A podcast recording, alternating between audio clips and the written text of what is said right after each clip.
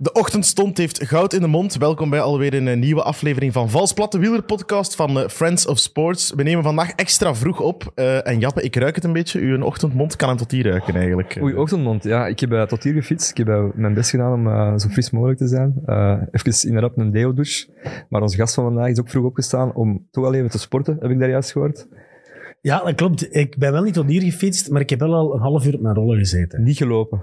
Nee, niet gelopen. Ehm, als, het, als het echt druk is en ik moet ehm, ook de kranten al op tijd lezen, dan zit ik op mijn rollen. Ik heb er zo'n een staander voor, met een, een magneetstaander, en dan kan ik Ja. daar een grote iPad op plakken en ondertussen de kranten lezen. Dan rijd ik ook wel niet snel, moet ik zeggen. Dan is het rustig, hartslag 130, zoiets. Maar dan kun je effectief wel fietsen en eh, de krant lezen. Als je dan aan het lopen bent, is dat toch een... Ik ben zo wat de Dirk de Wolf van, eh, van de redactie eigenlijk. Eh, de Dirk.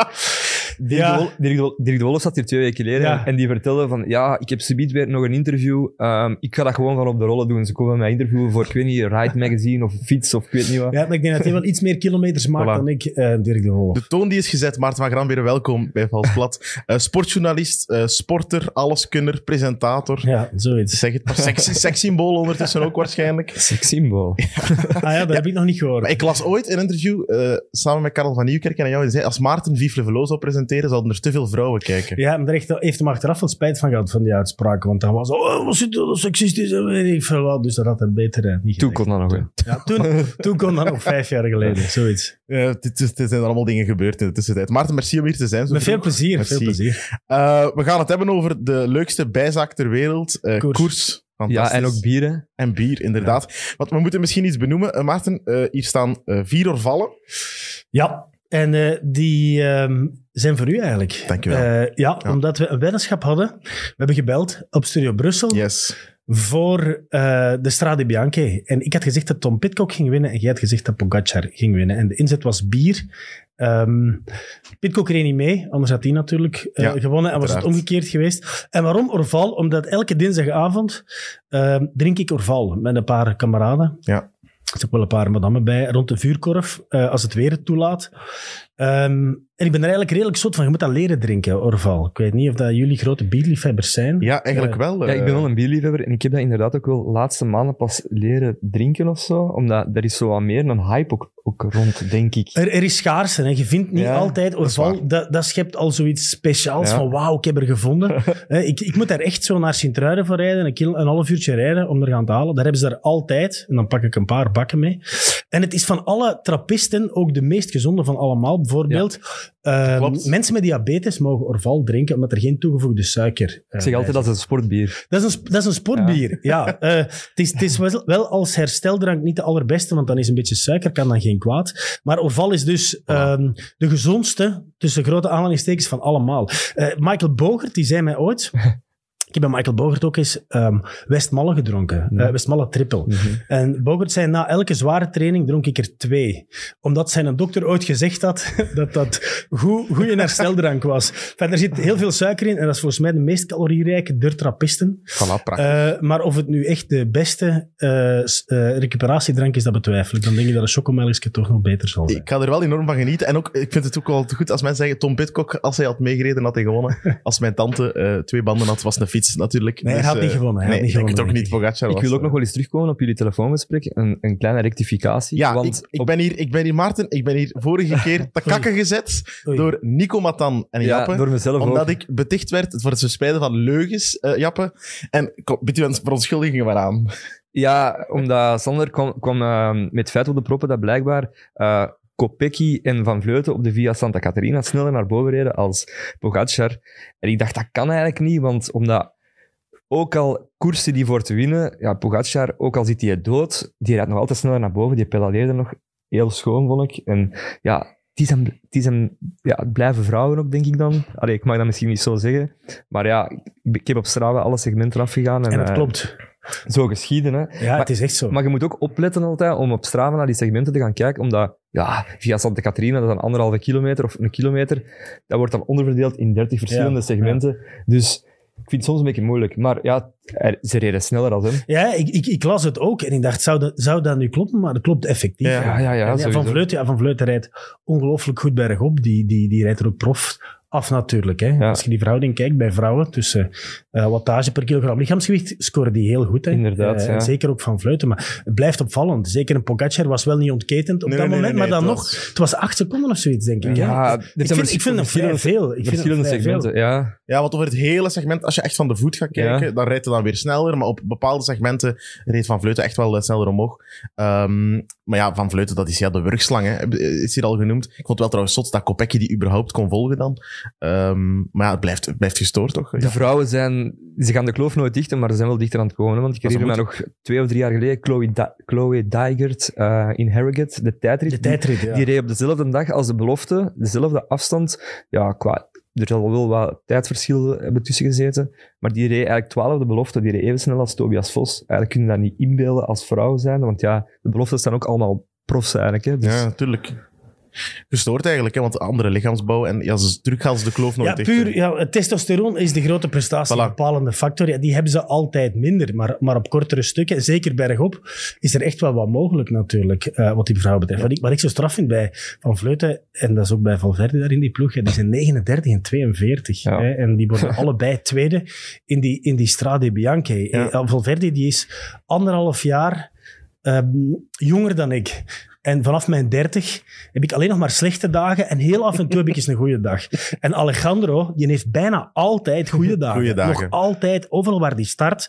Minstens dat er iets explosief is, bergop, wie verschijnt daar? Alejandro. Ja, ja. Zit ook prachtig op zijn fiets, vind ik. ja. Niet normaal. Hij, eh, hij zal volgens mij elke dag een Orvalke drinken. Of een Westballen. Ja, ik, heb hem al wel, ik heb hem al wel flink pinten in drinken, zo. eh, Goeie- met, zijn, met zijn ploegmaat. Goede coureurs drinken veel pinten. Dat hebben we vorige keer geleerd van Nico Matan. Ah, ja, Die, eh, heeft, ja oké, die heeft er misschien dan toch iets te veel. Eh, ja, hij kon er niet van horen van, ja, Van Aert die gaat op, op woensdag lopen en op zondag koersen. Hij heeft nog berichten gestuurd naar Van Petegem en aan Lucé. Hoe kan dat? Maar ja, hij, hij dronk wel 12 pinten en een dag daarna uh, reed hij een koers, dus dat, dat begreep hem nou wel. Dus, ja. Nee, wat die mannen, ja, wat, die, wat Van Aert ook doet, is, is gaan lopen 's morgens. Hè. En, Ja. en fijn, ik spring er misschien van rak op een tak, maar goed. Doe maar, Maarten. Nee. Nee, en ik, we waren onlangs bij, voor opnames bij Movisma. En dus ehm Marijn Zeeman die vertelde daar toen, dus elke dag in de Tour, de eerste files die binnenkomen, Ja. zijn die van Roglic. Die gaat in de Tour ook elke dag lopen. Maar dus ook bij een bergrit. Zeg maar, als er nu een zware bergrit is, die gaat lopen. Dat is soms traag, maar die gaat elke dag, ook in de Tour, gaat hij elke dag lopen. Voordat hij nog eens begint. En dat heeft hij nodig om... Ik begrijp dat wel, daarom dat ik het misschien ook doe. Om zijn lichaam te activeren, om wakker te worden. Dat is niet snel, maar die doet dat wel. Van Aert doet dat een keer of drie. Ook soms in de Tour nog. Maar eh Roglic, die doet dat altijd. Ik vind dat dag zot voor een, allee, voor een rit. Ja, gewoon. en dat is om, om wakker te worden. Dat is, dat is niet snel. Hoe snel, dat is mij dan niet meegedeeld. Hè. Eh, soms is het misschien doorwandelen, maar daar komt 's morgens vroeg, als we wakker worden, komt er al een file binnen, de eerste gegevens van, van Roglic die al gaan bewegen is. Gestoord. Ja. Ik denk niet dat dat Dave Pogacar dat doet. Dat is echt zo'n zondagskind. Ik denk dat hij wakker wordt, zijn koerskleren aan. Pogacar, Pogacar, ja. Die, die kruipt op zijn fiets. Eh, Maarten, jij bent sinds dit eh wielerseizoen de man in de studio. De Ja. man voor en na de koers. Soms in een studio, soms ook in een tent. Blijkbaar was het koud. Gisteren in Ja. Okere Koers was het in een tent te doen. Ja. Hoe is dat? Hoe is het? Is het een jongensdroom die uitkomt? Eh, wel, de, de, de, de jongensdroom is toch nog meer op de motor zitten, Ja. vind ik. Dat, dat is echt het dichtste dat je bij koers kunt komen. Zo. De renders ruiken, voelen, zien, echt meerijden. Dan heb je echt het gevoel dat je die koers hebt meegereden. Ehm, en in eh, die tent zitten en die omkadering doen, ja, uiteraard is het ook wel geweldig plezant om alles aan elkaar eh, te mogen lullen, omdat het ook wel veel spannender is nog dan het lijkt. Het lijkt, of dat is de bedoeling, dat het allemaal smooth gaat en dat alles vlotjes verloopt. Maar dat is nu niet het geval. Bijvoorbeeld na de omloop. Ik heb het nu nog maar één keer gedaan. Enfin, vroeger, tien jaar geleden, heb ik dat ook al wel gedaan. Ehm, ja, wij hadden heel graag ook Benoot bij ons in de studio gehad en Van Aert. Maar het protocol bij Jumbo-Visma was eh, nog altijd het COVID-protocol. Geen renners. Geen- ja, ah, geen ja. renners in de studio. Terwijl er bij Ties Benoot wel eh, veel te vertellen was. Zeker. Dan begint al snel nog, nog een extra interview te lezen, al wat toffe vragen voor te bereiden. en dan denk je ook, oh, straks de Van Aert, tof, een paar leuke dingen hier. En dan krijg je plots te horen in je oren, ja, ze mogen niet komen. Eh, dat was wel jammer, want achteraf zag ik in de perszaal, zat, zat eh, Van Aert, waar jij nu zit ergens, Jappe. En, en daar stond dan twintig man van de pers rond. Dus dat had in onze studio dan ook nog wel gekund. Dus het is altijd wel heel snel schakelen. Maar jullie Eh, kennen dat protocol toch ook, of niet? ja, maar je probeert altijd. hè. tuurlijk. Eh, je probeert Tuurlijk. altijd om... Je denkt altijd, ja, ja, maar goed, als het dan puntje bij paaltje komt, dan kunnen ze toch nog langskomen. Dat was dan niet het geval. Niet erg, want we hadden kampenaars bij ons, die ook een geweldig goed eh, verhaal had. Die, kan ook, eh, die geniet ook wel eens van een orval, denk ik. Ja, ja maar die zal dan wel... eh, Die, die gaat exact weten hoeveel calorieën dat er daar denk in ik ook. Denk ik. Ja, hij is de ambassadeur van Thrive, hè. Ja. Dat bier. eh, Ja, dat had, dat had hij trouwens bij in de studio. En ik heb het ook al eens geproefd. Ik ook. En dat smaakte mij wel. Dus Ja. oké, hè. Ja, Zeker, ik hè? heb na een zware inspanning heb ik niet echt goesting in bier en toch smaakt me dat ongelooflijk Mm. hard. Zeker als, het- als het goed weer is geweest. Snap ik. Ik heb van mijn zus voor mijn kerstmis zo'n doos vol met het gekregen. echt? Ja. Zijn ze al op, eh, Japan? Nee, ze zijn nog niet op. Nee. Allee, Dat is ook de eerste keer dat bier bij jou Ja, langer dan een week overleeft. Ja, dat is eh. misschien omdat er geen alcohol in Ja, zit. ja, wel, het is, het alcoholvrij, ja. het zit vol eiwitten en dat soort dingen. Maar het is spannend, die studio. En zeker, ja, wie gaat je in de studio? Ah, je kunt, Kijk, ik ben gewoon om interviews te doen. Maar goed, als er dan allemaal camera's op staan, dan word je toch nog net iets meer bekeken van onder een vergrootglas natuurlijk. Hè. En als er dan inderdaad een Spanjaard zou zitten, die alleen maar ke zegt Ja. als je een vraag stelt, ja, dan, dan wordt het wel heel spannend, denk Dat ik. snap ik. Maar, maar ik zie dit jaar niet echt een Spanjaard een van onze voorjaarsklassiekers winnen. Nou, dat was al meteen een goede, goede vraag. Ja, Cortina. Cortina, maar- dat is de ja, eerste waar, ja. waar ik aan denk. Ja, die, Die gaat die, niet die winnen, misschien. Maar winnen? Die gaat niet winnen, nee. Winnen. We zien nog niet echt een opvolger van, eh, van Fletcher. Nee, niet, nee, eh, nee. In feite, Spaans wielrennen zit sowieso een beetje Op zijn gat, hè. Ja. Ja. op zijn gat. Hè, terwijl dat die ja, in Firenze, dat is mijn eerste WK dat ik erbij was, gezien dat die toen allemaal bij hadden. Ja, dat was de ene potentiële wereldkampioen naar de andere. Daar schiet niks van over. Ah ja, één, En dan- één en dan won er een. Portugees. Alejandro, Alejandro hè. En dan won er een Portugees. Eh, en toen won er een Portugees, na dat geweldig duel daar. Fijn, Rodriguez en Valverde, Prachtig. die elkaar het licht in de ogen niet gunden. Ja. En toen, ehm, Prachtig parcours ook, hè, Firenze. toen won een Portugees inderdaad. Prachtig parcours. Eh, Maarten, jij, jij bent al... ah, dat heb ik, ook, ik heb dan wat interviews gelezen, hè, want ik bereid me dan voor.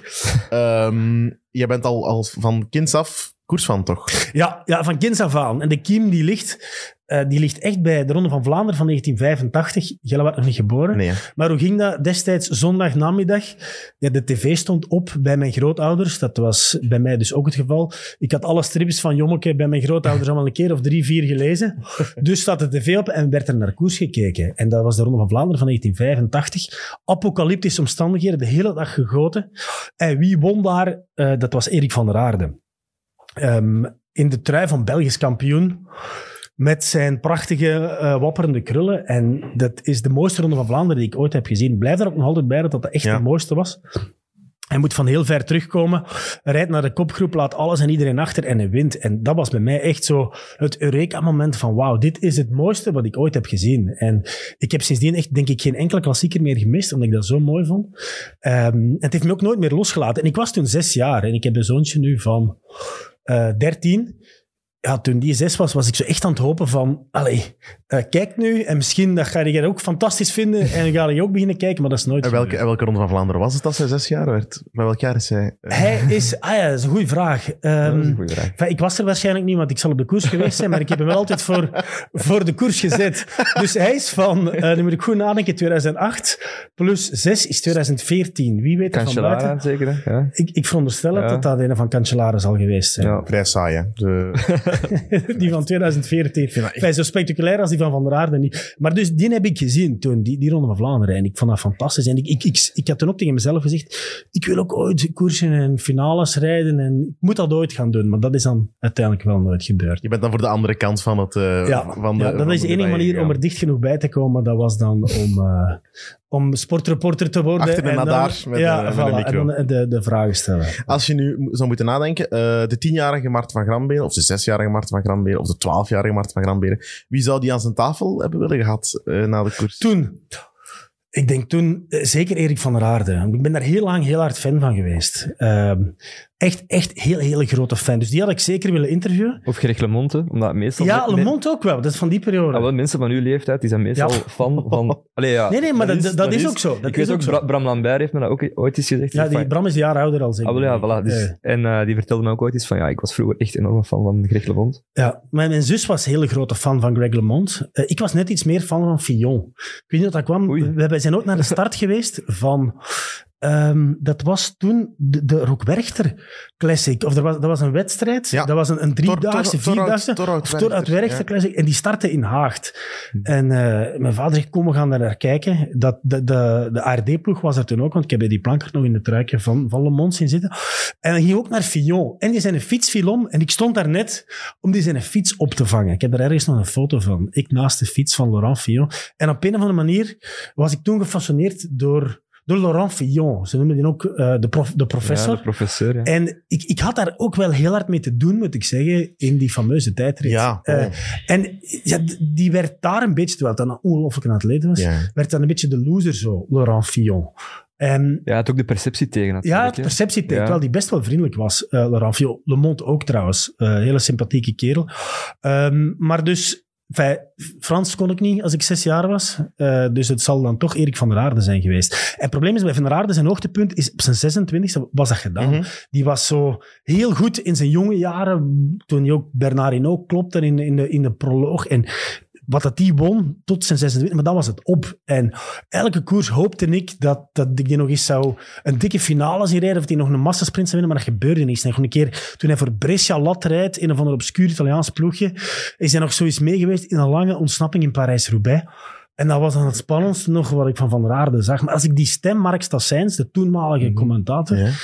Als ik die Van der Aarde hoorde zeggen, dat, dat, dat, dat was een kriebel. Dat was zo, ah, gingen alle bellen af, kippenvel, want die had Van der Aarde in ontzettend. Dat heb ik, dat heb ik vooral met hem gehad. Dus die had ik zeker aan mijn De, tafel. de legende luidt toch ook dat Van der Aarde, toen hij ploegleider was, in zijn jeansbroek, Ja. op zijn, op zijn slitsen, ehm, de Koppenberg opreed en dat hij iedereen van zijn, van zijn ploeg, de renners, eraf reed of zoiets. Toch nog? Ja, het Ja, zou kunnen. Het zou ja. kunnen. Ik vind het ook mooi dat er een bepaalde tragiek in zijn carrière zit. Ik vind dat altijd mooier, een, een carrière die dan zo op zijn 26e wat over het hoogtepunt is. Ja. Ik vind dat mooier dan eh, Alejandro Valverde, prachtige mens, hè, maar daar zit geen, ja, heeft natuurlijk dat dopingverhaal, maar daar zit zo geen tragiek in. Ik vind dat jammer. Maar blijf maar binnen die... Ja, ja maar ik, ik had hem, als, als kind had ik hem toch nog liever een paar keer zien winnen. Mijn zus die was dan voor Plankaart en dat was ook de eeuwige discussie, wie is nu de snelste? Wie was nu de snelste?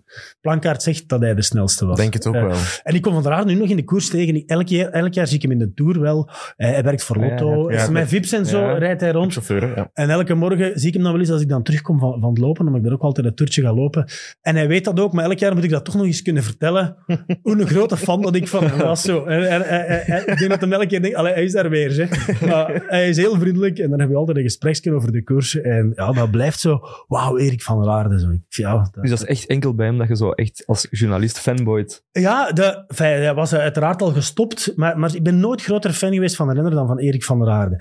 En achteraf dan wel, eh, toen ik al in het middelbaar zat, ehm, maakte ik ook mijn eigen radioprogramma's met een, met een maat van mij, 15, 16 cassettekes namen wij toen op. En die verstuurden wij naar elkaar. ging ook al over de koers, fictieve analyses van de Zalig. koers en zo maakten wij. Dat was echt zo opnemen. En dan had hij een cassetteke bij, ik een cassetteke bij. En we waren toen ook al wel een hele grote fan van Frank van den Broeke. Ehm, dat, dat was toen ook wel zo. Over Eh, en- tragiek gesproken. ja, over tragiek gesproken. En, en hij was toen de coming man. Eh, hij reed toen ook in die, die prachtige lotto-truikens, dat zwart met, met rood. Ik was ook een geweldige fan van, van Milan. Die hadden dezelfde kleuren, de, de, de Ah, ja, Italiaanse ja. voetbalclub Milan. en dat had ik ook wel. En dan, bij mij is dat gestopt bij Van den Broeke. Oké, je wordt dan echt journalist, dan verandert alles als je die moet interviewen. En ik heb dan ooit wel eens één dag met Van den Broeke mogen optrekken. Dat is een legendarisch fragment. Hè, Ja, dat samen- legendarisch fragment Ja. met, met Bartoli toen. Dus- Nee, nee, nee. Ik bedoel, jullie twee op La Redoute. op La Redoute, toen. toen. ja. Dat, was, dat was heel speciaal. Dat was, ja, Maarten, eh, dat was negen jaar na zijn fameuze overwinning hè, in 99 in, eh, in eh, Luik. En toen, Maarten, ja, uh, kun je met Van den Broeke? Ja, ik vond dat super spannend. Wauw. Ik, mocht een dag optrekken met de grote Van den Broeke. En hij had toen al wel het een en ander meegemaakt in zijn leven. En we hadden afgesproken aan een brug in Bergen. Ja. Daar ging, daar ging zijn, zijn moeder hem afzetten. En die komt echt zo... Een uur ja, te laat. dat, dat, dat viel nog mee, want ik denk dat zijn, zijn moeder gezegd had, kom Frank, we zorgen dat we op tijd zijn. En ik dat hij zelfs een rugzak bij had en zijn, met zijn boterhammen in, bij wijze van spreken. En effectief, Frank die stond daar en die staat bij ons in een auto en dat was zo... Ik zat achter hem, allee, Frank van den Broeke. En ja, ik ben dan begonnen over wijn. Hij had zijn dochter Margot genoemd, omdat hij toen fan was van de Bordeaux-wijnen. Dus ook van de Margot. En... ehm, toen heeft hij mij overtuigd om Bourgogne te beginnen drinken. En sindsdien ben ik ook geweldige fan van, Kijk. van ja. Bourgogne, omdat Frank dat zei. Maar, maar dat, was, dat was echt wel heel magisch. Van, wauw, die grote Frank van den Broek is bij mij in de auto. En ik had ook nog zoiets van, Frank, train nu toch eens een beetje, verzorg u. En dan ga je terug nog altijd grote koersen kunnen winnen. En iedereen die hem tegenkwam, kwam daar ook vragen aan. Frank, oh, ça va, ça va, ça va. Ja, ça va. maar dan gingen we smiddags eten. Dat was in Aans, de aankomst van Luik. De Yes. lelijkste aankomstplaats ooit Klopt. van een monument. En we gingen in de lunchgarden eten. Het budget van de VRT liet ook niet meer toe. En Oei. ik weet dat ik toen, halve sportman, ik weet niet, een slaatje met kip zal gegeten en me gedacht van, jongens, ik ga hier wat gezond. En de Frank die pakte dan... eh, Volle van. ja, zoiets, volle van, maar met kroketten. En je Ja. bestelde nog kroketten bij en dan moesten we nog wat sausjes hebben. En toen dacht ik, ja, of de Frank nu echt nog top gaat worden, ik betwijfel het zo. Eh, maar toen won Valverde, hè, die dan Ja. ook zo'n keer van... En, die, en Frank, die, die springt, want we waren al aan het monteren aan een stuk, en die springt echt uit die camionet en zo. Hij had toen al alles juist gegokt en eh, enfin, die had ongelooflijke visie. Dus hij is een fantastische ploegleider geweest, en tactisch gezien. Maar dat, dat, dat was een kindje dat, dat, dat, een- dat gewonnen had, omdat Valverde Hij had gespeeld op had, Unibet. had gespeeld. Ja, eh, ja, Ja. dat- Unibet, dat weet ik niet, het zou, het zou kunnen. Hij had toen gespeeld op Valverde en hij was zo blij als een, als een klein kind. Eh, en heel veel charme. Maar je voelde toen wel zo van... Ja, dat je op die jongen niet echt Ja. controle Nee, nee, nee. hebt. Zo. is heel Dat- manisch. Ja, dat- ja, zoiets. Dat is, zoiets. kind- dat, is, dat is altijd een groot kind gebleven, vind ik. Dat Altijd. is Peter Pan en, en, en eh. ongelooflijk charmant, hè, want dat, die, die Ja, pakte nu in. En charme, charme, charme. Maar toen begreep ik wel van, ja, dat, dat niemand daar vat op had op Frank van den Broek. Ik vond het een fantastische dag in dat moment dat hij naar Ja. Bartoli en Michele en eh, charme. Dat Ah, was ja, hij belt Bartoli. Hij belt Bartoli. Ja. Hij staat bovenop waar hij doet. En hij zo zegt, Frank, heb je geen nummer van Bartoli? Ja, hoe kun ik je bellen? Ah ja, geen probleem. en echt op dat stuk dat hem dan buitenblad wegreed, daar ging naastrijden van, hey, Michele, ik ben de beste van de wereld. Bam, weg. En, en eigenlijk, ja, hij heeft zoiets gehad, terwijl die heeft maar één monument gewonnen. Hè. Dat is Luik, dat is, dat is alles. Hè. Hij heeft, heeft wel andere straffe dingen gewonnen. Hij heeft ook maar tot 99 gewonnen en daarna heeft hij ook niks Ja, meer gewonnen. dat In, in Belgasport zegt ook eh, José de Kouwer, we kunnen niet spreken van een carrière bij Van den Broek. Nee, tot, tot 99 wel, hè, want ook Parijs-Nice en zo. Wat Ja, zeker, deed, zeker. Zo. En mijn onkel ook, een geweldige wielerfan. Die was ook zot van Van den Broeken. En we waren ook constant aan het bellen van Frank dit en Frank dat. En, maar ja, het is dan...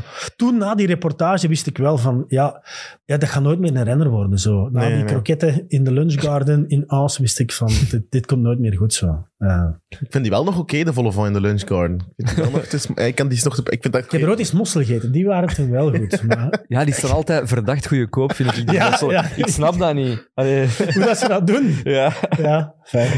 Dat zou nog eens een ploeg zijn, de lunchgarden ploeg eh, in het peloton. Ja, ik zou wel willen zien. Hoor. Hopelijk Ja. luistert iemand van de, van de Lunchgarden. Dan kunnen we misschien gesponsord delen. Gesponsord worden, vals plat. We kunnen eens een, een aflevering in de lunchgarden opnemen.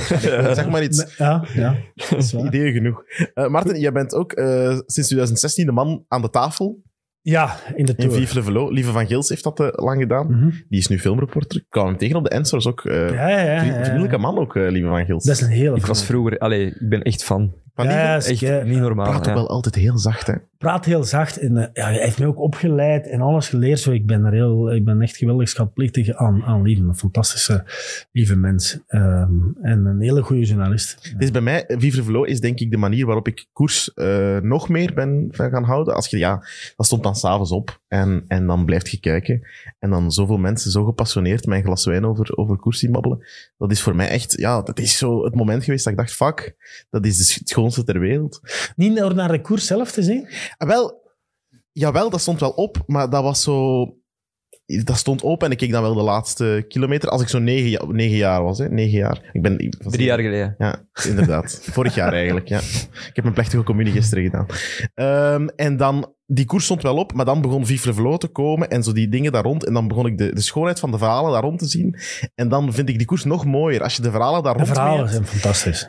De koers bestaat uit verhalen. En dan speelde ik ook het spel Pro Cycling Manager, ooit gespeeld. Dat is Nee, een nee, computer... ik, ik, ik ben er heel slecht Ah, in. In zo managerspelletjes. Je, Ja, ik je, moet daar, je moet daar echt is op focussen jongen. en uitslagen Heb je, heb je een uitpluizen. Wieler manager? Ja, wij ze vragen me altijd, ze maar, maar- nee, ik, ik wil, ik, ten eerste, ik kan dat ook niet goed. Ik, ben, ik, ik vind ook nooit een tactiek. Ik kies ook altijd de verkeerde. En, en dat kost zoveel energie om dat te goed te doen, dat, Dat ik is dan, waar. ja, dat ik dan gewoon liever naar de koers kijk of wat koersverhalen lees. maar bij mij was het wel, de passie is daar begonnen. En dan ook spelen, het geluid afzetten en zelf commentaar geven. Ja, Ah, dat ja, is, dat, dat denk dat iedereen die zot is van de koers dat ooit al wel eens gedaan heeft. En echt, ik, ik ging eh, ook zo vroeger echt lopen om de cassette na te doen. Als ik dan mijn cassette kan opnam, Ja. waar ik het daar straks over had, echt al lopend sommige dingen zeggen Ah. om de schokken van de motor Maar- Nee, door de microfoon te duwen. Ja, ja, dat deed ik echt waar. Dat is eigenlijk in Monty Python eh, met de, eh, Ja, met de kokos. met de kokosnoot. om, eh, zoiets.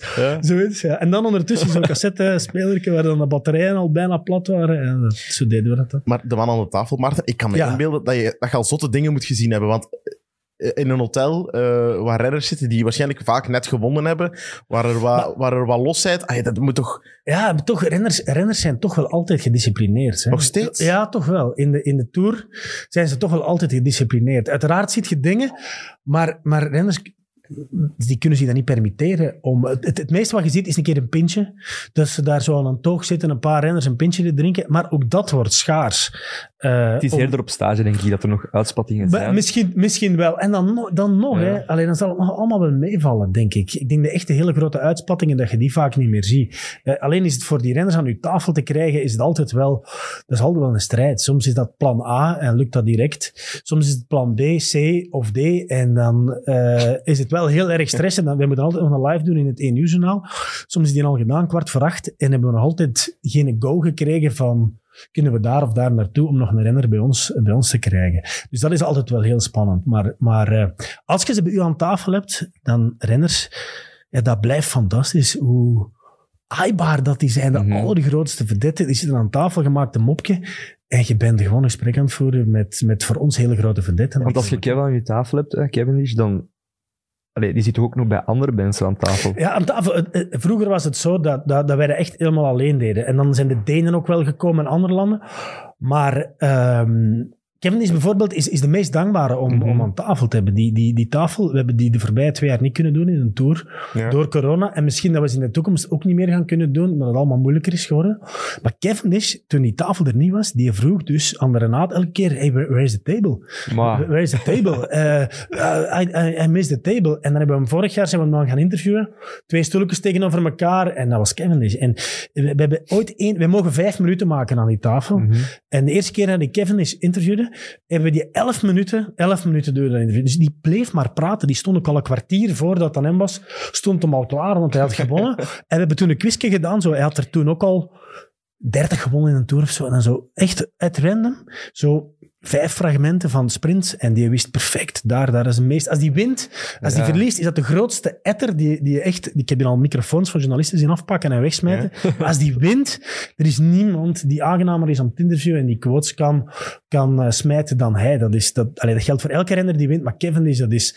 Dat, allee, als die wint, en eh, dan moet je drie vragen stellen en eh, dat, is, dat is de ene killer quote na de andere Kevin. Zalig. Ja, dat is echt zalig. Die moeten echt zeggen van, allee, we moeten stilletjes gaan afronden, want die zou, die zou blijven zitten. En hij is Nederlands aan het leren, hè, Jappe. Eh, zijn Nederlands wordt altijd maar beter, Ja, West-Vlaams of zo. hè? Ja, ah, wel, maar misschien kan hij er ooit komen zitten hè, in de Chesterfield, Kevin. Maar die zou dat doen, die zou dat doen, maar dan wel als hem gewonnen heeft. Zo. Ja. Eh, Hij heeft Hij, hij gewonnen, hè? hij heeft gisteren hij gewonnen. heeft gisteren gewonnen, ja. Milaan, hè? eerste Brit die dat... Hij staat daar tussen de grote klimmers op de erelijst, omdat dat nu een sprinterskoers geworden Ja, is. Maar, eh, Maar toch, allee, als je die ook ziet, dat ziet er absoluut geen atleet uit. nee, totaal niet. Nee. Maar wat Ja. dat hij gewonnen heeft, dat is niet normaal. Dat ziet er zo'n een Johnny, pa- een 36 Johnny Papa uit. Echt Ja, een beetje wel. Maar ja, zo klein, fijn manneke en dan zo snel zijn. En alles wat hij kon winnen, heeft hij wel gewonnen. Alles wat binnen deze Zwaar. mogelijkheden. Die wint Sanremo, hè. Begint maar, hè, Sanremo. Hij is wereldkampioen ook geweest. Wereldkampioen geweest, als heeft alles, favoriet. alles afgevinkt wat ik vind dat je als topspurter kunt winnen, inderdaad. En, allee, En bijvoorbeeld Cipollini heeft ook alles gewonnen. Ja. Wereldkampioen, Ja. geen groene trui. Nee. Eh, Cavendish heeft ook twee groene truien, truien nu al. Ja. Ehm, Ja. ja, hij heeft alles gewonnen. Ik vind Alles. dat echt... eh, Kittel is misschien de allerbeste spurter ooit, intrinsiek. Geen groene trui, geen Sanremo, geen... Hij is het beste machtsprinter, maar ik denk die, die, die, die aero van, van Cavendish, dat ja. Die kan echt met zijn neus op zijn stuur. hè. Die ligt met zijn neus op zijn stuur. hè. Dat ja, is- Ewan ook wel, hè. Die Ja. doet dat ook wel op die manier, hè. Ja, maar dan nog, ik vind, ja, Ewan is toch ook vaak ook niet, hè. Dat is, dit is, die, dat dat is toch te veel pieken en dalen, vind ik. In die Ja, ja, zijn ja, dat, sprints. wel, dat is een andere type. Dat is Ook waar. een beetje. Oh, nog één legendarisch beeld dat ik heb van u aan een tafel, Maarten, eh, is eh, met Tom Bonen, denk ik, na zijn laatste parijs Ja, en laatst Parijs erbij. die daar een duvel uitschenkt, Ja. op echt de zotste manier. Die is, zet zijn duvel, zet zijn glas Ja. daarop en draait dat om. Ja. Ah, ja, ja. En hij was perfect, hè. Dat was dus ik dacht van, ja, maar dat, dat gaat hier alleen maar schuim zijn. Want een duvel moet er rustig uit. Ja, Ja, dat- zo hebben wij dat toch geleerd. En dan, 45 graden. ja, en dan rustig en dan een beetje door. En dat- dat die, dat die een duvel zo, dat dat, En dat, ja, je, en dat je een tornado knipt. tornado knipt en dat, dat, ja, dat het schuim half weg is met het bier. En ik heb dat achteraf nooit meer geprobeerd. En Bon zei, oh, ik doe ik dat altijd zo. Je moet dat zo eens proberen. En inderdaad, ik heb de, we gaan dat eens proberen. Vijf Ja. hier val staan, maar ik ga dat toch nog eens proberen. Want ik denk ook wel regelmatig in een duivel, hoor. Niet alleen een val. dus ik zou dat moeten proberen. Allee, wat ik zelf het tofste vond aan tafel is... eh, Froome. Dat was zo de eerste keer dat ik dat deed, Froome bij mij aan tafel. Een En alien. ik, die, die, die, had, die had ooit in een huis gewoond in Teeltwingen, twee jaar. Ja. Omdat er iemand was die daar jonge Britse renners... Bij Team eh, Harris? Of- ja, nee, ja, en, en die, die, die, die had, dat waren een huis, die mannen slepen in een huis. Ik had dat ooit eens gelezen in een geweldig artikel in Bahamontes. En ik had daar ooit geshot bij Tilt Sport in de eerste ploeg, in tweede provinciale. Ik vond dat wel eens tof. En ik dacht echt van Froome, die het toen graadmager was, zei die nu echt... Er was een heel goede frituur in Tilt. Ja.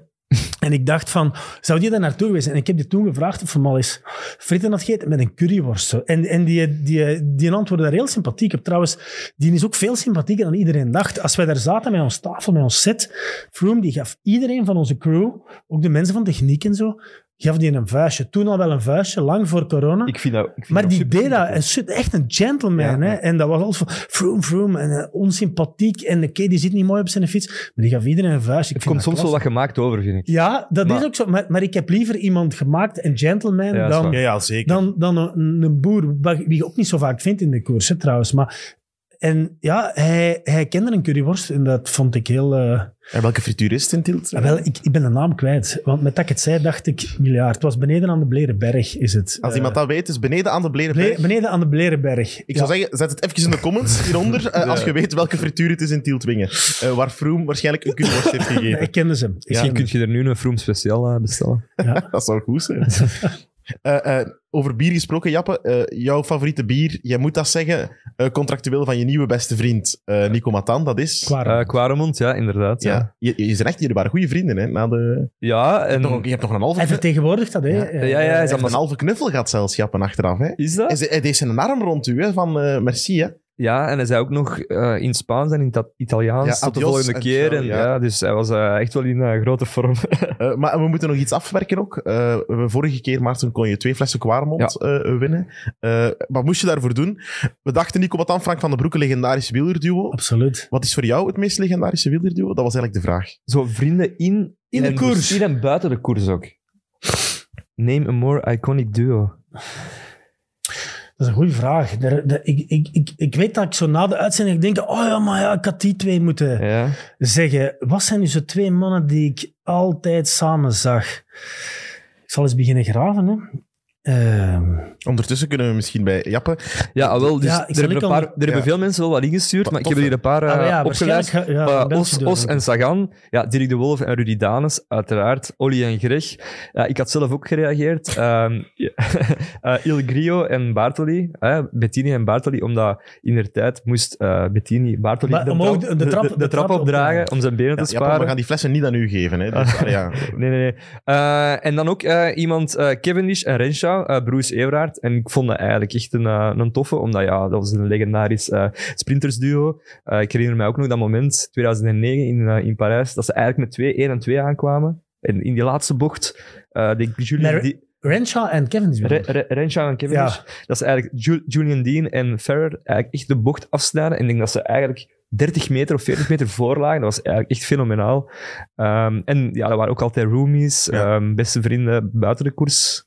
De Nicole En Hugo eigenlijk van, eh, van dat moment. Ja, dus eigenlijk, eh, Bruce Everard, eh reageer Heb, of heb nog, want ik heb er, ik heb er altijd geen, geen origineel. Ik, wil, ik zou zo Ja. een ander duo willen, eigenlijk dan nu al gezegd geweest Of- is zo.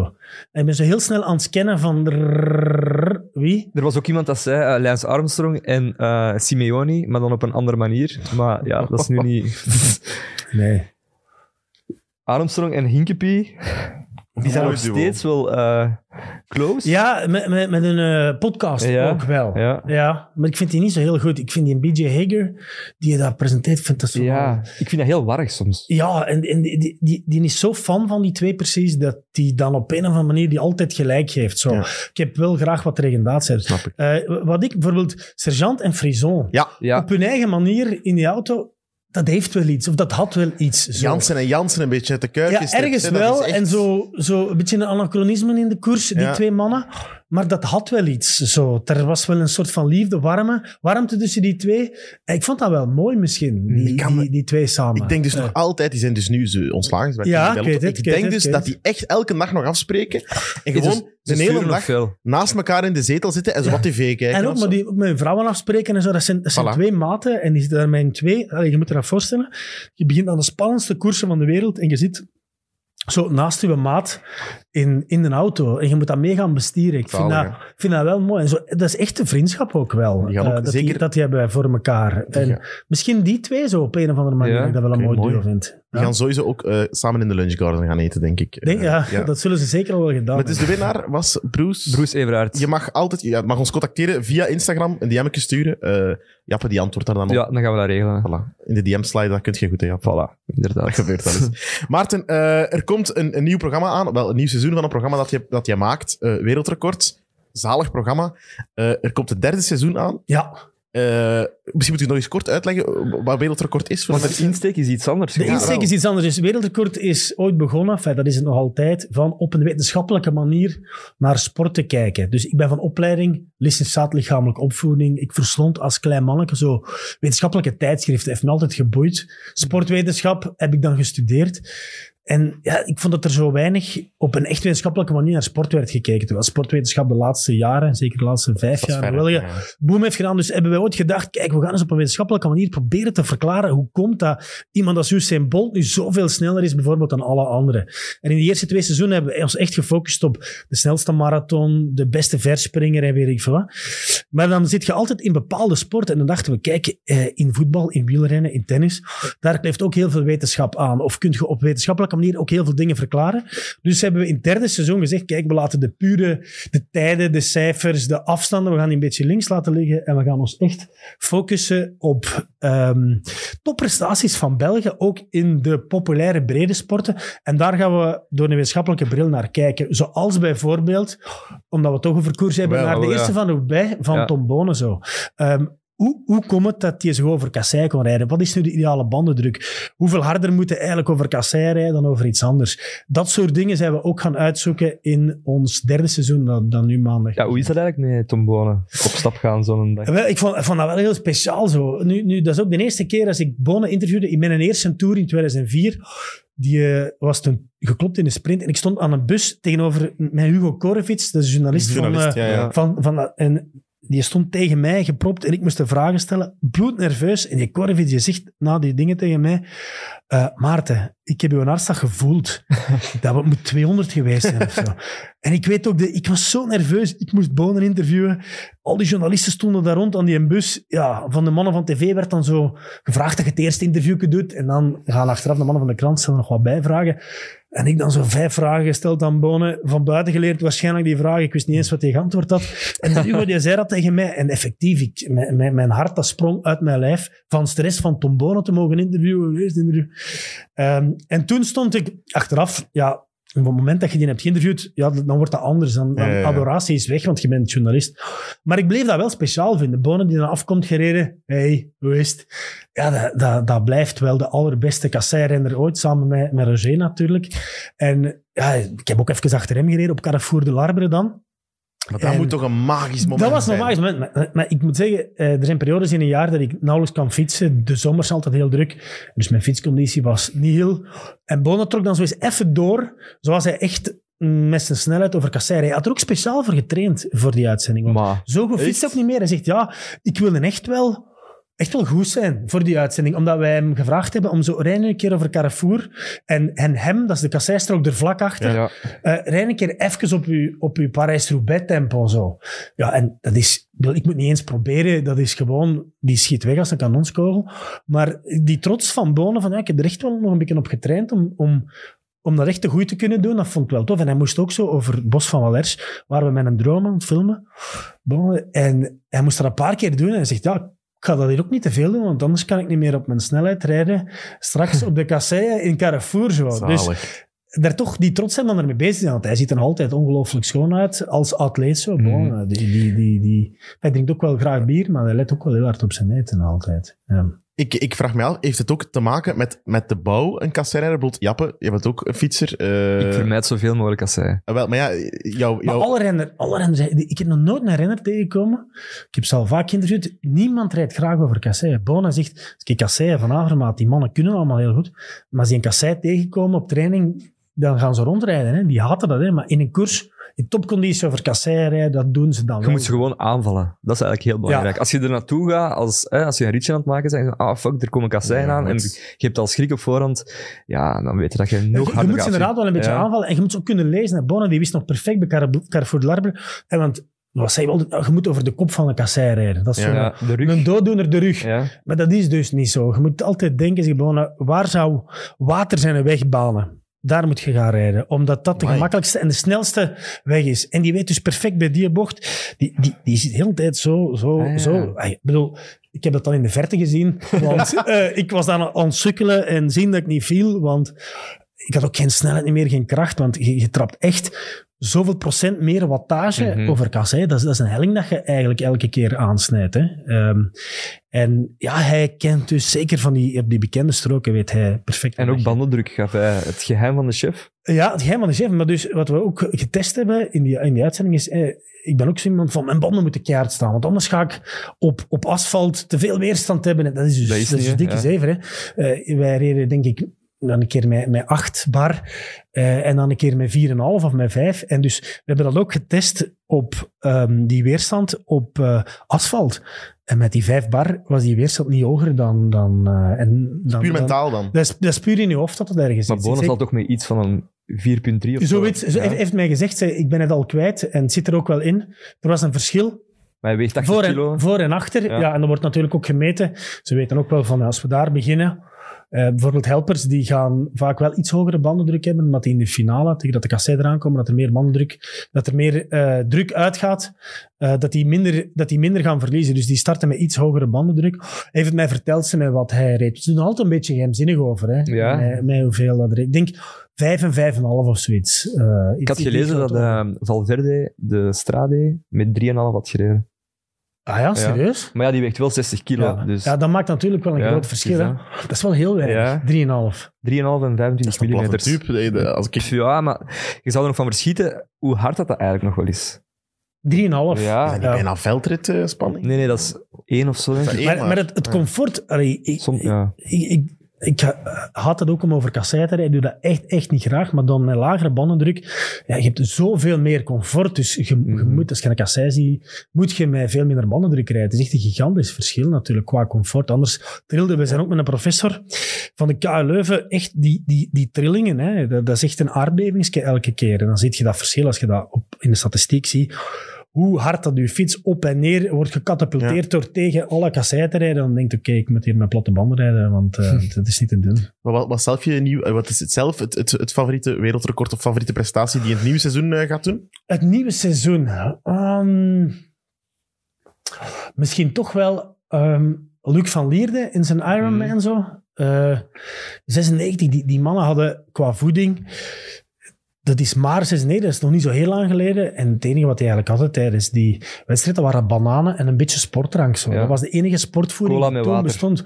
Ja, zo, Ja. zoiets. Enfin, er was al wel isostar-achtige substantie, dus dat, dat stond nog redelijk op punt. Maar hoe- als je nu ziet hoe dat voeding gefine-tuned wordt, renner per renner, of, of duuratleet per duuratleet, en die mannen hadden bananen, en die hadden wat sportdrank. En Van Lieren heeft er ook op een gegeven moment nog zo tussen het fietsen en het lopen, moest hij dan nog vier minuten, vier minuten staan wachten, had een penalty gekregen. Ah ja. En als je dan ziet hoe dat hij uiteindelijk nog die marathon liep en zo, en wat dat die van kledij nog maar aan hadden, die fietsen dat die eruit zagen, dat, En dat hij was heeft het ook, niet. Hè? Hij heeft ook jaren het wereldrecord gehad. Hè? Ja, hij was toen in 96 de eerste Europeaan die won in een wereldrecordtijd. Ja. Dat was zijn, nu, nu zijn ze wel ongelooflijk snel aan het gaan. Ehm, ja, dat, dat, dat, dat blijft toch fascinerend, zo die duurinspanning. Omdat we ook, wat we in wereldrecord gedaan hebben, eh, we hebben een keer een inspanning, ik moest een uur lopen aan 12 per uur in een hittekamer aan de universiteit, waar dat de luchtvochtigheid en de temperatuur even eh, eh, hetzelfde werden gehouden als tijdens de Ironman in Hawaii. En dus na 45 minuten had ik maximale hartslag en ik moeten stoppen, omdat dat gewoon niet meer ging, omdat mijn lichaam niet aangepast was. Al die atleten die gaan een week of twee, drie op voorhand naar Ironman in Hawaii, om je lichaam te laten aanpassen. En dan gaat dat. Dan kun je in die extreme omstandigheden sporten. Als je dat niet doet, zoals ik toen deed, niet aangepast in zo'n hittekamer, kun je dat gewoon niet volhouden. Sven En je dat- lichaam daar reageert, dat is niet normaal. Sven heeft dat ook gedaan, hè? in aanleiding naar Peking. Met Ja, Paul naar van. Peking. Ja. En, en uiteindelijk was ze naar achtste of negende, Ja. hè, denk ik. Dus dat werkt. Als je dat niet doet, dat deden ze in Tokio bijvoorbeeld ook. Al die atleten zijn daar moeten gaan testen. En ik had het dan op, op Instagram ook al gezet. Hoeveel berichten ik van atleten kreeg. Hoe moordend dat dat was. Als je niet aangepast bent om Mhm. dat te doen. En ik ben ook een zweter. Dus dan eh, kom je echt wel in de problemen. als En je- een zwetertje. Jappa, welke wereldrecord zou jij ooit willen aanvallen? Ehm, Of welke prestatie? Ja, ik ben willen- wel fan willen- van het programma, dus ik heb eigenlijk denk, ik, quasi alles gezien. Uh, dus ik denk wel een, ja, een fiets, omdat ik veel fiets. Um, dus dan denk ik wel het, het Pantani-record. dus dat was denk ik... Uh, de Alpe d'Huez. Alpe d'Huez, de snelheid op Alpe d'Huez. Ja, nog wel een, een, een side note daarover. Ik heb dat twee jaar geleden met mijn vriendin naar die aflevering gekeken. En het ging ineens over wattages en over wattagemeter. En ze zei toen tegen mij, zeg, uh, een wattagemeter, heb je dat eigenlijk? Ik zeg, ja, uh, ik ga dat wel eens kopen, maar dat kost 300 tot 400 euro. Binnenkort koop ik dat. Twee maanden daarna werd ik uh, 30 jaar. Wallacher. Uh, ik wou zeggen onder de kerstboom, maar nee. Ik, Voilà. uh, ik deed dat open, pak ze open, een wattagemeter. Ik zeg, hoe weet je dat ik een wattagemeter... Ja, we hebben toch samen naar het programma, moet, we hebben naar, samen naar het programma van Maarten gekeken. Dus eigenlijk door u... Dankzij mij, die Ja. nu een wattagemeter. Ja. Zot, hè? Ik heb dat zelfs niet. Allee, we, hebben, zo in pedalen wel een keer bij een test geprobeerd, maar ik vind dat wel interessant, wattagemeter. Want die, Ja. die renners tegenwoordig, ik stam nog uit het hartslagtijdperk. Mhm. van, als je nu vraagt aan een renner vandaag, zeg je maximaal hartslag. Oh, ik weet dat niet. Die, die, die weten dat totaal niet meer. Het enige wat die nog kennen is watta, wattage. Hè? Wattages. Mhm. Ik ook niet met een band. Nee? Nee. nee? nee, ik, ik doe dat wel, omdat ik zo nogal... Ja, meten is weten, zo oldschool. Ja. En ik wil zo, zoveel mogelijk gegevens hebben. Snap, En snap ik ik. weet wel nog hoe dat mijn hartslag reageert. Ja, ik heb nog geen wattagemeter, maar misschien aan uw vriendin. Hè.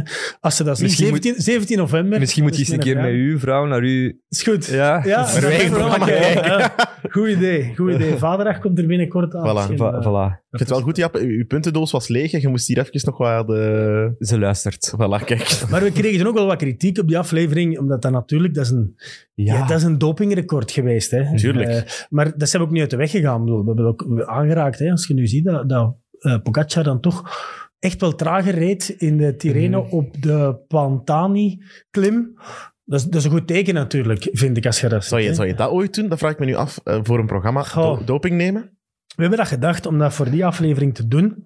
Ah ja. Langs de andere kant, we zitten in een heel ander tijdperk. Is dat nodig? Ehm, eigenlijk niet. Ik, ik, weet wel, en de literatuur heeft dat ook aangetoond, we weten wel dat je beter gaat zijn. Dus waarschijnlijk zal ik ook, want ik heb een hele lage hematocriet. Eigenlijk absoluut geen enduratleet. Ik heb zomaar in topconditie een hematocriet van eind 30, Mhm. wat niks is. Je hebt, je, hebt, Ja, ja. je hebt mensen die van nature echt in de buurt van die 50 zitten of nog erboven.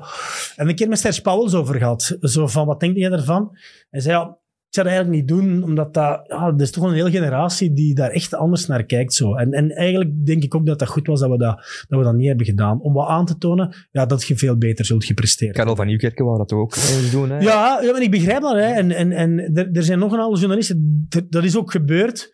Maar er zijn ook wel argumenten vandaag de dag om dat ook net niet te doen, vind Ja. ik zo. En ik zou het voor mezelf wel eens willen geweten hebben, maar ja, oké, ik zal veel beter gepresteerd hebben. Ja, allee, relatief, want ik Mhm. zou, ik zou, je kunt van een ezel geen koerspaard maken. Hè. Dus ik zou nooit... eh, nooit Wat, wat ik nog wel heb opgestoken uit die aflevering met Pantani, ik dacht vooral, ja, Pantani die is klein, die is licht, die heeft een enorme hoge VO2 max en die is gedopeerd, dus die vliegt die, die kools Ja. naar omhoog. Maar ja, die heeft ook een, een, zijn bepaalde, zijn, zijn cadans, zijn traptechniek Ja, is ook... dat- Perfect, hè? Ja, dat die dus constant kracht overzetten. Dat die altijd druk zetten op die pedalen. Want dat lijkt, wij lijken zomaar op één punt duwen. ja, Maar dat doen die dus niet. Hè? Die zijn altijd kracht aan het geven op die pedalen. Dus technisch reed hij ook wel. ja daar, heb ik, daar zag ik eigenlijk te weinig bij stil. En ik denk ja, dat ze daar nu natuurlijk ook wel veel verder in staan, dat ze dat heel goed kunnen.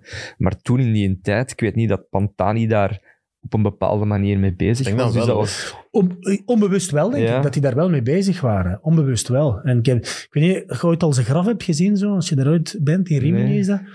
Dat is wel prachtig zo. Dat is een hele mooie tempel, kunstwerk met daar een ding over. Dat is het graf van Pantani. Ik vond dat heel leuk. Ik ben daar ooit eens geweest om een reportage te maken over, over die grote prijs Marco Pantani. En ook zijn moeder ontmoet zo. Eh, de moeder van Van den Broeken ook trouwens. En die, die gebroken moederharten, dat ik nooit zal vergeten. Zo. Ook die Ja. moeder van Pantani. Zo. Moeder van Frank van den Broeken ook. Dat, ja, die zijn hun zoon kwijt. Hè. En oké, dat zijn mannen die dingen hebben uitgestoken, maar daar raakt je toch wel altijd. Het graf van Pantani in Rimini, dat is echt zo'n Benidorm daar aan de kust. eh, Mhm, ja. Voor de rest is er niks te zien. De, de, de ene discotheek en taverne Jawel. aan de andere. Maar dat, dat graf van Pantani, dat is wel eh, echt de moeite om eens te bekijken. Binnenkort op Canvas een nieuw, se- een nieuw programma, Gebroken Moederhart, met Maarten van ja, jawel, je, zegt, je zegt dat is, maar dat, dat is echt... Nee, ik dat- moest die toen ook interviewen, die moeder. En dat, dat, dat, dat- ja, dat, dat is iets dat ik nooit zal vergeten. Zo, Ik, ik vond dat nu bij het Scheldepeloton, vond ik dat ook. Als ze dan de moeder van, denk ik, Walter Weiland Ja, eh, ja. interviewde. Ja, dus uw hart breekt elke keer. Ja. En, en dan doe de moeder van, die altijd nog aan, aan zijn zakdoekje rook. Ehm allee, die, die, die, die, Van Dimitri de Fa. Ja, dat was, maar ik kon Ah, niet ja, de naam ja. komen. En die moeder ruikt nog heel vaak aan de zakdoek van Dimitri. En dat, dat, ik zeg het opnieuw, dat die koers leeft van de verhalen natuurlijk. Ja, en, die tragiek vind ik... Dat is raar om te zeggen, maar ik vind dat het schoonste misschien wat er is, tragiek in de koers. En Ja, dat- ik vind de dat- verliezer- In, in, nerg- in geen enkele andere Nee. sport is dat zo uitvergroot. Nee. De, de koers is meer dan welke andere sport ook een, eh, een karikatuur van, van, van de samenleving. Dat, is, dat is zo. hè. En een verliezer is schoner dan een winnaar, vind ik altijd. Ja. Ik vind dat een verliezer schoner is dan Maar om hem te interviewen is een, een winnaar toch wel Dat iets dankbaarder dan, dan Dat een verliezer. Een verliezer interviewen is... Dat is toch soms niet gemakkelijk. Dat snap ik. Eh, soms altijd met een bang zo. Dan krijg je, dan krijg je wel eens een microfoon naar je kop gesmeerd. Ja, ja. Enfin, dat valt nog mee. Renners zijn, zijn, zijn nog aaibaar, hè, maar toch. ehm, Top. Eh, je sprak al over Rimini. Nu dat we toch in Italië zijn, moeten we misschien eens hebben over dit weekend. Eh Milan Sanremo eh, komt eraan. Ja. Ik zag dat Wout van Aert al ter plekke is. ja, Die is met krant aan het lezen. Ja, krant aan het lezen, koffie drinken en een fotoshoot met Nathan van Ooydonk aan het doen. Dat is toch echt... Dat, ja, ze waren een fotoshoot aan Dat heb ik niet gezien. Ah ja, dus de, de, Wout- de Nathan had foto's van de Wout getrokken, dus dan moet Wout van, zegt hij waarschijnlijk tegen Nathan van Ooydonk, Trek eens een paar foto's trek van eens een mij. schoon foto van mij. Dat vind ik zalig. en hij had ook een van Nathan van Ooydonk getrokken, maar die vond ik niet zo schoon. Dus eh Wout van Aert moet er nog aan werken. Ehm, ik vind het oprecht, Milan Sanremo, de grootste kutkoers ter wereld. Ik snap dat wel, maar je moet, je moet op een andere manier naar Milaanse Remo. Je moet eens kijken naar, naar het, ehm, wat dat daar aan de start komt. Ja. Wat ik altijd fantastisch vind aan. Sanremo, ja, maar dat is, er is geen enkele koers ter wereld waar de, de kasseimannen, de sprinters en de ronde mannen samenkomen in één koers. Soms op een, soms een WK, hè. Soms op een WK, Ja. uiteraard, WK. En soms ook in de Amstel Gold Race. Want Ja. daar altijd zo de Amstel Gold Race. Maar, maar vaak zijn dan ook de kasseimmannen die, die er toch nog bij nemen. De rondemannen die al aan het Mhm. komen zijn. Het deelnemersveld van, van Amstel Gold Race is ook vaak een strafdeelnemersveld. Maar in, in eh Sanremo komen er echt nog eens die topsprinters bij. En dat is ook zo. Hè. Je zit er heel tijd naar te kijken.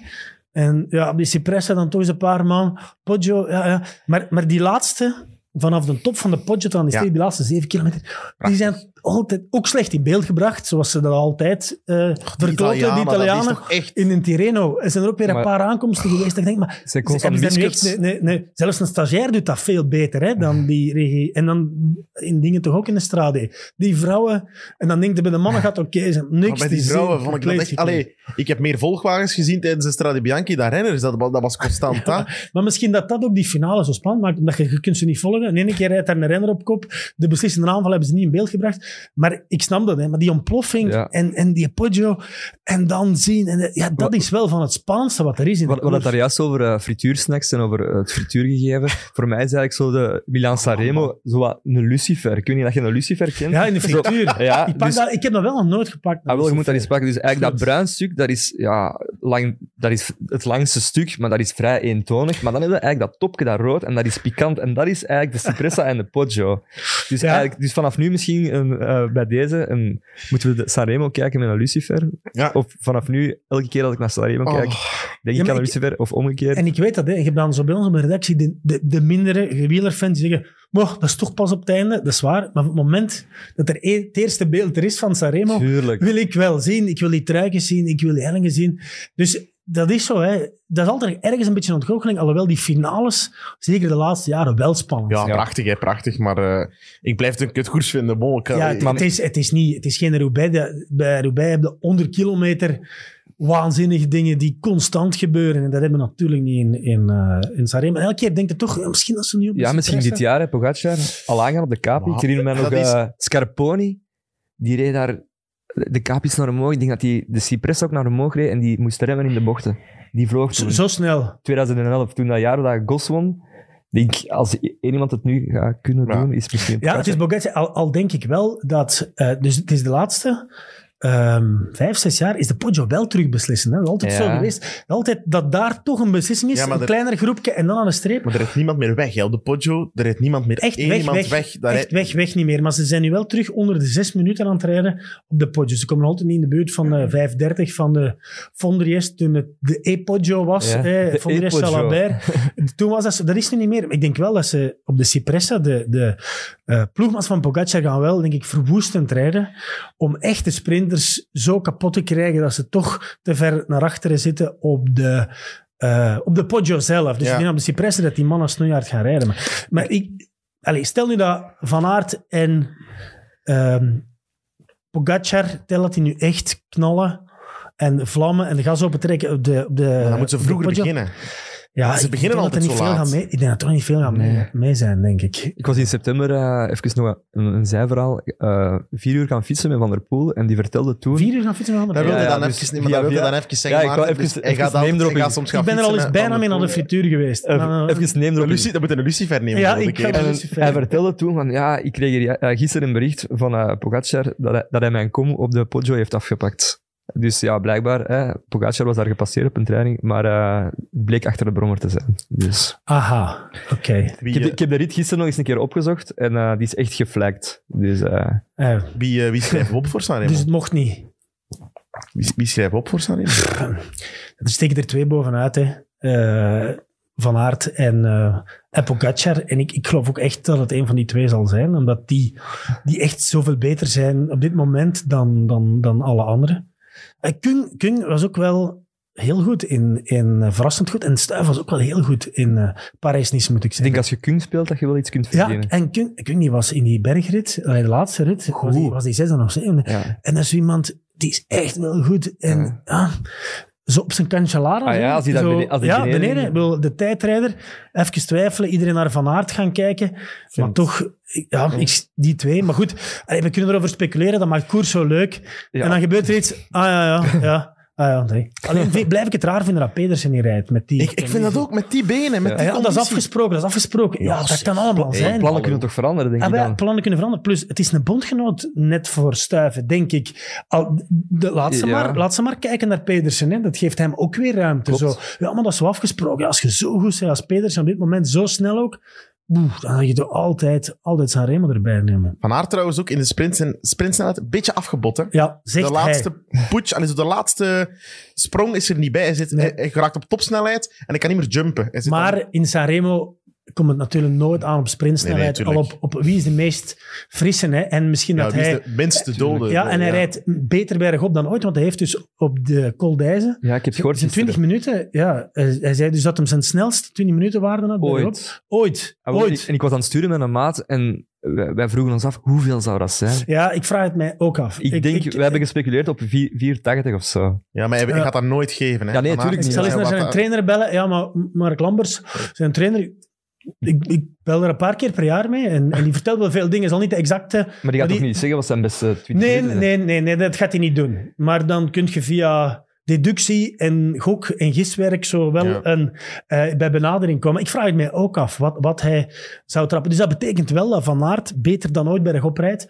En als het dan toch op de meest frisse aankomt, wat altijd zo is in de straten van, eh, van Sanremo, ehm, op de Via Roma daar, dan denk ik dat, dat, dat die sprintsnelheid wel meer dan voldoende zal zijn om, om te winnen. hè. Ja, maar om er Pogacar op te leggen, ik, ik zal ook niet vergeten de Olympische wegrit. hè. Tuurlijk, ik heb het zien gebeuren. Daar, daar, daar, daar, dat is een half wiel dat hij maar had op Maar Pogacar. daar maar- moet ja. Van Aert ook wel Ja. harder dan... Dan heeft hij meer het. werk verricht. Van Aert heeft daar tien keer alles en iedereen gaan terughalen. Dus maar dat was ook Pogacar. omdat McNulty Ja. weg was. hè. ja, ja, natuurlijk, ploegmaat van, Ja. van, van Pogacar. Maar natuurlijk, kijk naar, kijk naar de Amstel. Kijk naar de Brabantse Pijl. Mhm, hij wordt geklopt. Wordt, Allee, ja. wordt hij wel geklopt? Ja. Ja. zeker in de Brabantse Pijl. Enfin, in de Amstel niet. Maar, Maar daar de- gingen we van veel te ver aan. Ja, dat is waar. Maar dan nog had ik dat niet verwacht. Dat ik ook niet. En ik vind maar die- achteraf weten we ook dat, dat, dat, dat Pitcock gewoon een fantastische sprinter is. Sprinten in Kunen ook naar een derde Tweede, plaats. hè. ja. Dus maar, maar Pogacar is ook snel hoor. En heel ik snel, denk, ik- supersnel. Zeker na 300 kilometer. Ik, ik, ik- ja, ik, ik wil het allemaal nog wel zien gebeuren. Nee, hoor. maar het, De- het zou de- zoiets als eh, Kwiatkowski met Alaphilippe en Sagan. Dan denkt je ook, dat is altijd voor Sagan. En, en toen won Kwiatko- Kwiatkowski die sprint. Dus het is, altijd, altijd een rare sprint daar. Ehm, en inderdaad, ik denk dat, dat Pogacar, stel dat Van Aert als enige mees, ja, die rijden door. Hè. Want Tuurlijk Pogacar heeft, door. denkt, ja, ik heb ook wel een kans Natuurlijk, ja. tegen Van Aert, die dan toch nog niet top is in, in zijn sprints. Maar Van Aert is, is nooit de zuiver sprint, daar heb je Mark Lambers ook al over gehad. Dat is iemand die, die zijn sprint wordt natuurlijk ook beter dan zware, zware koers. Hè. Als Minder, echt, echt, minder slecht. ja, minder slecht, minder slecht, dat is het zo. En ehm, daar zit het geheim wel van Van, van, van Aert. Je hebt, allee, om het heel, heel kort te zeggen, maar een beetje wetenschap zijn. Tuurlijk, en maar ja, je hebt dus je hebt, eh, snelle vezels en trage vezels. Maar binnen de snelle vezels heb je ook nog trage vezels. Je hebt de hele snelle vezels bij de snelle vezels. Dat, dat is de Cavendish'en en de, de Ewens hebben dat. En dan heb je de, de trage snelle vezels. En daarvan hebben Van der Poel en Van Aert er heel veel.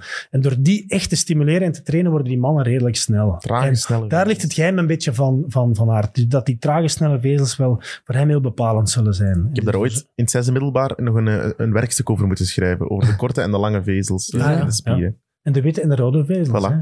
De, de, de trage vezels die zijn echt rood, omdat die enorm doorbloed zijn. Kipchoge en zo, die hebben heel veel Mhm. van die echte rode vezels. Echt de lange afstandsvezels. En dan de, de sprintvezels, die zijn echt veel witter, omdat er minder bloed in zit. en Shout-out. Die kunnen sneller. Shout-out aan mevrouw Maas, toen mijn eh, biologieleerkracht. En hadden hadden hadden goede punten op Ik had goede punten, ja. Ik had goede punten. Ik heb wetenschap en wiskunde gestudeerd, terwijl dat, ik heb dan ik heb taal en letterkunde gedaan aan de universiteit. Dat is iets anders Ja. wel, hè? dat- ja. Maar Dat sluit daarbij aan. ze hadden mij ooit gezegd, je gaat dat niet kunnen. En dacht ik, we gaan nog wel eens zien of hij dat niet gaat kunnen. En, eh, Dat, dat motiveert, hè? Ja, ik heb gelijk juist gekregen. Voilà, kijk. hetzelfde. Eh, over eh, motiveren gesproken, eh, Tim Merlier, die heeft eh, de woorden van Dirk de Wolf hier eh, eh, gehoord, denk ik. Dirk de Wolf zei dat Tim Merlier niet in vorm was en geen platte prijs ging rijden. Zei Dirk de Wolf dat? Ja, Dirk ja, die heeft, die heeft zoveel heel veel gezegd. gezegd. Dat Dirk de Wolf, een, ja, eh, een die heeft heel waterval. veel gezegd. Eh, maar hij heeft gewonnen in de Ja. koersen en echt met overmacht. Het was echt het was straf, hè, Maarten? Ja, en ik heb ook zijn, zijn eh Strava-gegevens. Ja, Ja, ze ze al eens bekeken hebt. Ja, dat is gedurende 20 seconden. Ze zeiden het, hè, in 1200. 1200 200 of 1300 bijna. Het was Ja. bijna 1300. Wauw, dat is wel chic. En ik vond dat wel tof, wat hij zei. Hij was dus effectief die vorige afleveringen aan het bekijken geweest. Eh, ik heb hem meestal even kunnen interviewen. En hij zei, ja, die ging ook van heel snel aan. Ja. Dus dacht ik, ik ga ook van heel snel aan. En dat is echt wel de kunst daar op de Nokerenberg. Steegman zei dat ook. Steegman zei dat die ging ja. misschien nog vroeger Ja. als Merlier. En dan, als je echt volle bak uit die bocht komt omhoog, dan, dan ben je bijna niet meer... Dus, eh, Maar hij, is, hij, is, hij is wel goed. En wat, wat ik wel interessant vond, dat is dan ook verteld al, hè, dus dat hij vaak de eerste ritten wint. Ja. Omdat, ja, naarmate een ronde vordert, raken rennerslijven toch uitgeput. Als uw motor dan net iets minder groot is, gaat het ook minder Hij snel heeft niet zijn. die phone, denk ik, als al nee, de rest. nee, die, die fond heeft, heeft hij niet. Maar, ook geen maar, wegrennen. Allee, het is heel lang gewoon puur een veldrijder geweest. ja, hè. eh, eh, ja, maar als hij, ooit, als hij ooit misschien eens een grote ronde zou uitrijden, want er wordt hem ook altijd verweten dat hij te snel opgeeft, gaat hij misschien wel vol hebben om ook nog eens in de tweede of derde week een rit te winnen. Zo. Allee, Tim, Eh, je hebt het nu gehoord van Maarten van Granberen. Doe je best eens. Rij eens een grote ronde uit. En dan word je misschien nog een grote, sterke jongen. Eh, over grote, sterke jongens gesproken. Op een derde plek stond daar Arnaud Mhm. Eh, ja, wat, wat een talent. Dat is echt twee koers, koersbenen waar ze dan een eh, goede kop op gezet hebben. Want is een prachtige kop. Ja. Ik heb hem Ja. gisteren voor de eerste keer kunnen interviewen aan een oker. Ik was super blij dat hij het podium haalde. Want die jongen fascineert me ook ontzettend hard. Zo, dat, dat typische verhaal.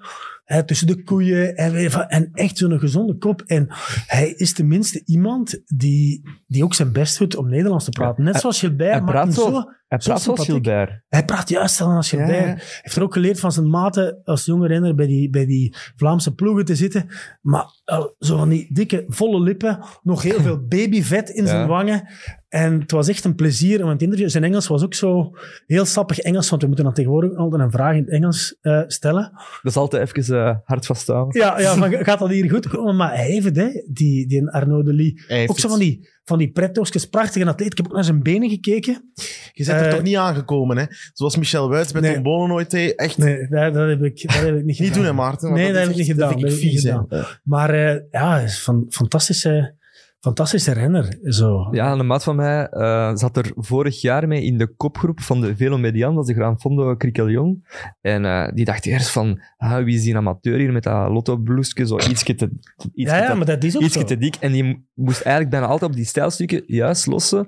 Maar dan op die tussenstukken reed hij zo hard. Ja. En achteraf zei iemand van, ja, dat is Arnaud Delis. En hij won wel. Achteraf. Ja, hij, Dus- won wel. hij, is, is ook wel, hij zegt dat ook. En je, je ziet er ook, dat is echt iemand voor over Ja, de ja, te rijden. zeker. Ja, ja, ja. Ik, eh, José de Kouwer had een hele mooie vergelijking. Eh, in de koers gemaakt. En zei, ik hoop dat Arnaud de Lee hier wint. Zei hij, want het zou zijn alsof de Rolling Stones op uw, op uw eh, eh, op festival komen optreden voordat ze bekend zijn.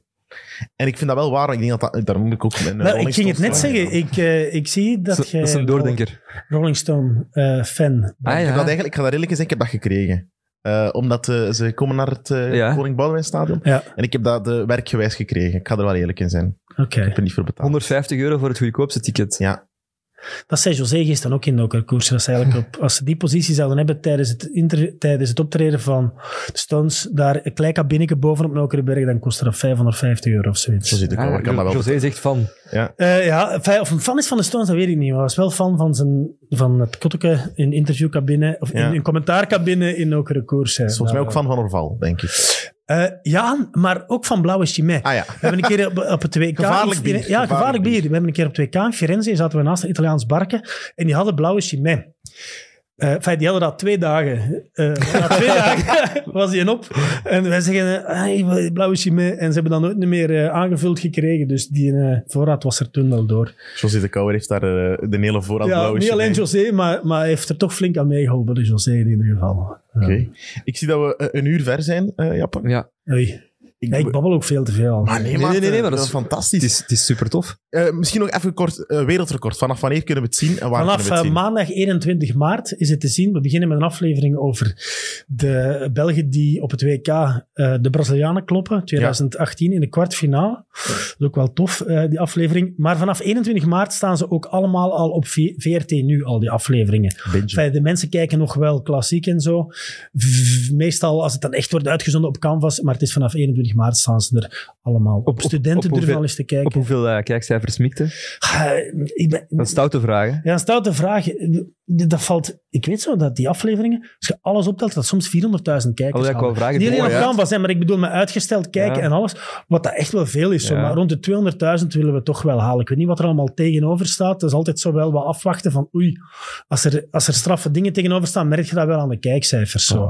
Maar we hebben, we hebben kleisters, we hebben, we hebben bonen, we hebben die voetbal, we hebben die, die, die Ironman en zo. Tafeltennis is eigenlijk ook veel leuker dan dat je zou denken. Ja. Ja. Bon, je kunt er al drie, 200.000, zoiets. je kan al drie kijkers opschrijven. Ik ga kijken, Jappe gaat kijken en zijn vriendin gaat kijken. Ja, zeker. Eh, en een wattagemeter kopen voor jou, Maarten. Eh, Ja, 17 november. Ik zal het nog eens zeggen. 17, dat is nog 17 een jaar november. Ja. Oké, merci om tot hier te komen. Ik denk dat we, dat we Maarten nog eens moeten vragen, Jappe. Want ja, als hem nog eens goed zien heeft. Ja. Ja, ik heel graag. En hij neemt, hij neemt bier mee. Ja, want dus, ik eh, ga in een tour op de motor zitten, de helft van de rit. Ah, en wel, ik heb- en, en daar heb ik het nu nog niet over gehad, maar dan ga ik wel veel verhalen ook bij hebben, denk ik. Ik denk, ik dat, we, dat we Maarten nog iets gaan vragen. Ja. Ik ga genieten van die Norval. Ehm, ja, Jappe, wat, fijne aflevering toch gewoon.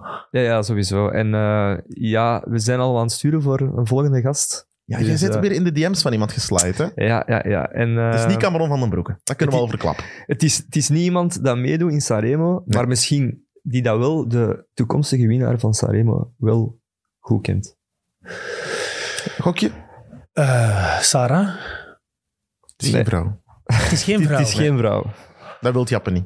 Ja, dat kan hij niet aan. Wie de toekomstige winnaar van Sanremo goed kent. Het zou ook eh, Ewan kunnen zijn. Iemand die Ewan goed kent. Voilà. Is dat niet juist? Ah, wel, we, we, we ronden hier af. We ronden hier af. goed. Voilà, eh, bedankt om te kijken eh, naar, en te luisteren, vooral naar deze afleveringen van Vals Plat. Volgende week zijn we er weer. Maar je kan nog altijd blijven genieten van heel veel podcasts van Friends of Sport. Zo is er een Mid Mid met Pedro Elias en eh, Robin Pront. Eh XNO's kan je kijken met Tony van den Bos. En natuurlijk is er altijd nog een Kick and Rush, de podcast over de Premier League. En volgende week is er weer een nieuwe aflevering eh, Vals Plat. Maarten, merci om tot hier te komen. Veel plezier, man. En ik ga genieten van die orval. Yes. Smakelijk. Zeker doen is echt mega lekker. Tot de volgende.